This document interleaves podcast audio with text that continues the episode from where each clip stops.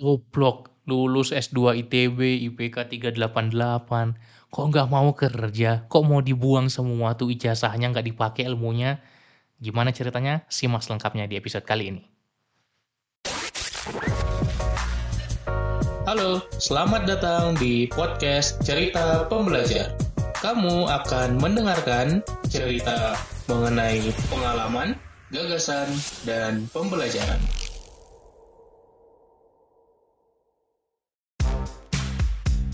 Season 12 Digital Nomad Journey Setahun penuh solo traveling keliling Jawa, Bali, Lombok naik motor backpack run.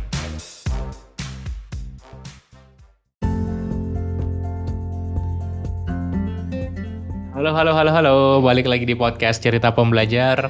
Dan mungkin lo kaget mendengar opening barusan gitu ya. Tapi memang itulah yang gue rasakan ketika gue mengambil kuliah S1, S2, alhamdulillah gue lulus dengan sangat baik. S1 gue lulusnya IPK 3,72, S2 gue lulusnya IPK 3,88. Itu sangat-sangat tinggi untuk anak teknik terutama di kampus gue dulu di ITB teknik elektro untuk kumlot 3,5 aja itu susah banget gitu sedikit yang dapat jadi sebenarnya gue mendapatkan pencapaian yang sangat oke okay, gitu dan terkesan sekarang ini gue membuang ijazah gue karena tidak menggunakan ilmunya lagi sehingga seakan-akan gue kuliah lima tahun setengah itu kebuang sia-sia. Bahkan gue masih ingat ketika gue selesai kuliah S2 terus gue pulang ke kampung halaman gue di Medan lalu gue tunjukin nih ijazah gitu kan. Ini ijazah ini ada dua ijazah satu ijazah dua.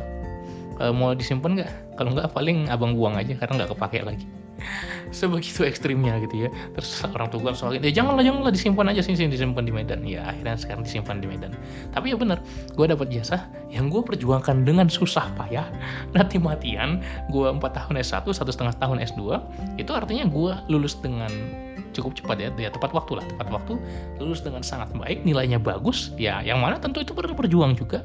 Tapi akhirnya nggak kepake gue nggak pernah apply kerja sama sekali by the way. Jadi ketika gue lulus gue langsung menjadi seorang self employed dan itulah yang memungkinkan gue menjadi seorang digital nomad. Kenapa? Self employed itu kerja buat dirinya sendiri. Punya kebebasan mau kerja kapan bebas. Mau liburan kapan bebas. Mau kerja di mana pun terserah. Sehingga gue bisa menjadi digital nomad keliling-keliling sebagaimana gue ceritakan di season kali ini. Sehingga banyak yang bingung gitu. Mark lu ngapain sih sebetulnya? Sebagaimana ketika gue digital nomad juga ditanya Mar lu ngapain sih sebenarnya? Teman-teman gue juga yang peduli ketika gue awal memulai karir Mar lu ngapain? Lu nggak nggak apply kerja apa? Ini udah lulus berapa bulan dari kita lulus gitu loh. Dan lu masih mau gini-gini aja. Kapan lo rencana nyari karir yang benar gitu? Orang tua aku juga nanya kapan mau cari kerja yang benar? Ini benar mau konten-konten gini aja. Mau sampai kapan mar semua orang mempertanyakan. Ya mungkin nggak semua, sebagian lah. Sebagian orang mempertanyakan. Apakah benar lu pingin gini-gini aja? Nggak bener, bener mau terapin tuh ilmu-ilmu elektro yang lu dapet. Kuliah capek-capek di ITB loh. Lu susah-susah pas SMA, ikut SBMPTN, sekarang mungkin udah berubah namanya, ikut ujian tulis, dan akhirnya lu lolos di ITB, yang mana itu menyingkirkan banyak orang yang mau masuk stay ITB juga lo di situ bisa lolos dengan baik dan tidak banyak orang yang bisa dapat nilai setinggi lo punya pengalaman dan keterampilan elektro sebagus lo dan lo lulus terus lo buang aja gitu. Kayak banyak orang nggak bisa menerima itu apalagi gue salah jurusannya itu tersesatnya sampai S2 biasanya orang salah jurusan itu sampai semester 3 terus habis itu cabut. Atau ya udah at least diselesaikan dengan ya setidaknya lulus lah gitu ya. Setidaknya lulus nggak perlu nilai bagus yang penting wisuda bisa kerja gitu. Tapi gue lulus tepat waktu dengan nilai yang sangat baik dan by the way di angkatan gue satu angkatan elektro angkatan 2015 gue waktu itu gue adalah orang yang pertama kali sidang sarjana yang mana itu nggak gampang ya untuk jadi orang yang pertama kali sidang sarjana dan gue adalah orang yang pertama kali dinyatakan lulus dapat surat keterangan lulus pertama kali. Lalu gue juga ikut program fast track gue lah orang yang pertama kali di angkatan elektro 2015 yang mendapatkan gelar S2 dan bahkan gelar S2 nya itu teknik elektro juga. Jadi gue punya gelar Umar Al Faruqi STMT Sarjana Teknik Magister Teknik. Dua-duanya lulus dengan nilai sangat memuaskan. Dan apakah gue paham ya paham ketika belajar. Ya mungkin sekarang udah lupa ya apa yang gue pelajari tapi lu paham mengerti itu pinter gitu. Tapi sayangnya semuanya terbuang dengan sia-sia. Secara apa? Secara ilmu akademiknya.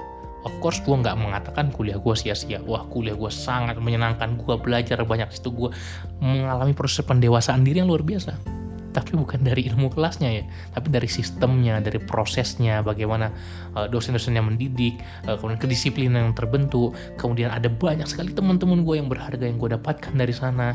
Pengalaman berorganisasi jadi pejabat kampus jadi anak rohis ikut komunitas ikut lomba dan banyak lagi.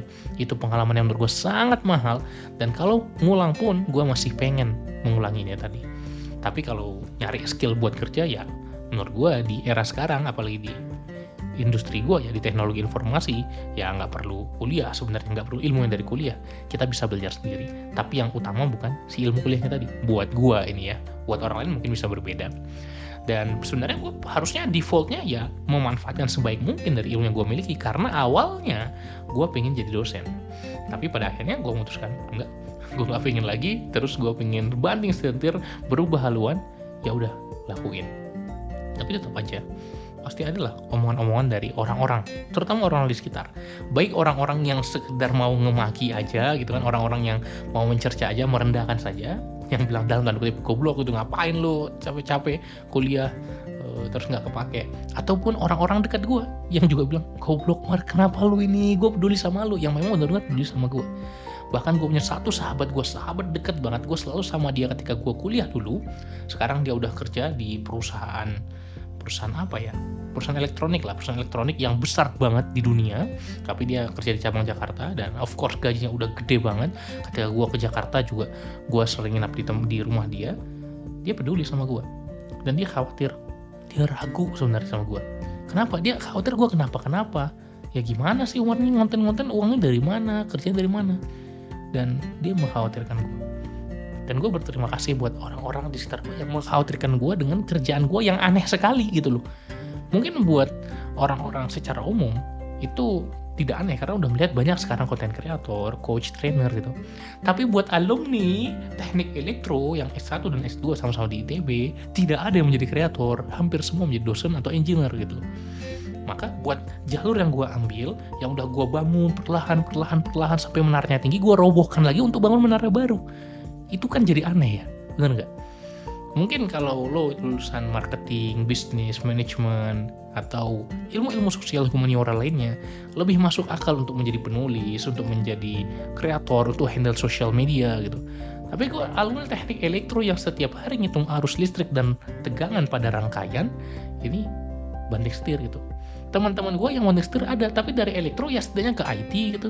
Dari elektro ke software engineer jadi ke telecommunication engineering atau kemudian ke biomedical uh, atau apalah yang lebih umum lagi paling ke konsultan ya konsultan IT konsultan energi atau konsultan secara umum. Paling lari ya ke banking lah perbankan atau manajemen consulting. Ya seperti itu. Sebagai besar teman gue adalah engineer baik hardware engineer ataupun software engineer gue sendiri yang yang lari nih gitu. Yang bukan salah jurusan salah fakultas salah kampus malah gitu kan. Jarang sekali itu anak ITB ada tapi jarang sekali anak ITB jadi kreator gitu. Tapi ya udah. This is what I want. Jadi semua hal yang gue bahas di episode ini barusan jawabannya simple ya gue pengennya ini. Udah gitu aja. Pada akhirnya kejarlah yang lu pengen gitu. Karena yang ngejalanin hidup lu yang ngejalanin karir lu ya lu sendiri gitu orang lain peduli sama lo tapi ya habis itu nggak nggak terlalu dipikirkan juga gitu pada akhirnya lo yang akan menjalani hidup lo orang lain hanya peduli sekilas saja. Lo lah yang akhirnya menjalani dan orang lain pada akhirnya tidak akan sepeduli itu juga. Jadi pertanyaan-pertanyaan kok nggak mau kerja? Gue bodoh amatin kalau dia emang orang outsider lah dari circle utama gue tapi kalau buat orang-orang terdekat gue gue jelasin this is my dream. Plan gue seperti ini seperti seperti ini. Mohon doanya aja. Dan alhamdulillah hasilnya kelihatan. Uh, di akhir eh ya akhir bulan sorry ya akhir bulan. Akhir bulan Maret apa ya? Akhir bulan Maret itu gue ada bukber dengan sahabat-sahabat gue dengan teman-teman gue di Jakarta dan gue ke rumah sahabat gue itu. Lalu ya udah kita cerita-cerita sebagaimana kita cerita-cerita pada umumnya. Oh nggak sebelumnya lagi sebelumnya lagi. Ketika kalau nggak salah di Januari atau Februari gue sempat di sana.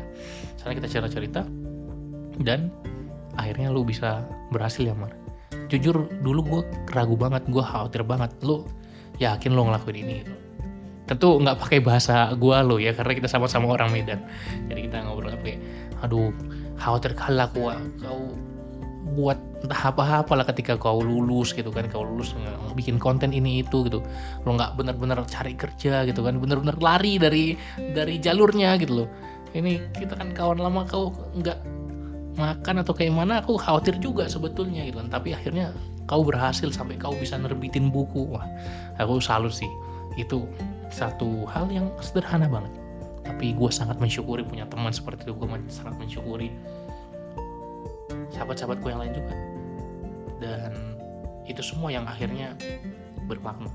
Gue nggak pernah punya motivasi untuk membuktikan ke orang-orang yang mencaci gue yang memaki gue bahwa akhirnya gue berhasil menurut gue itu adalah satu motivasi yang it works. Tapi nggak meaningful gitu loh. Masa lu mau sukses supaya mantan lu nyesel gitu loh? Ya buat apa gitu loh? Masa lu mau sukses supaya orang yang merendahkan lu akhirnya salut sama lu? Buat apa gitu loh? Ya yang pertama adalah lu sukses karena ya lu pengen lu sukses dari dalam diri gitu dan akhirnya membuat orang-orang yang kita pedulikan dan orang-orang yang peduli ke kita salut dengan kita senang dengan kita dan percaya sama kita dan kita pun menyenangkan mereka juga itu yang lebih utama gitu jadi pada akhirnya kembali lagi yang mengatakan gua goblok gitu ya lulus S2 ITB kok nggak mau kerja nggak pingin menggunakan ilmunya kembali lagi respon gue akan berbeda. Apakah dia outsider atau dia insider? Apakah dia orang yang sekedar kenal dengan gue atau emang orang yang peduli, yang dekat dan gue juga peduli dengan dia. So semoga cerita singkat ini bermanfaat. Ini adalah banyak flashback gue dari pilihan-pilihan yang mungkin nggak make sense, ya. Dan pilihan-pilihan yang mungkin secara secara apa ya, secara topik ya, tidak tepat sama dengan digital nomad journey gitu. Tapi ini terulang lagi. Ketika gue mengambil digital, digital nomad journey trip gue selama satu tahun penuh orang-orang juga mempertanyakan. Ada yang salut ada yang seneng ada yang mau ikut gitu kan ada yang pingin juga gitu. Tapi ada juga bilang ngapain sih lu mar? Gitu dan jawaban gue juga sama jawaban gue akan berbeda apakah dia outsider atau dia insider Oke, okay, so that's it. Semoga nggak kepanjangan. Thank you sudah mendengarkan episode kali ini. Kalau lo suka, silahkan lo boleh berikan komentar di Spotify. Lo bisa berikan komentar. Jangan lupa follow juga di Spotify. Cerita-cerita juga boleh ketuk DM gue di @pembelajar produktif. See you, sampai jumpa di episode-episode berikutnya. Thank you. Salam pembelajar.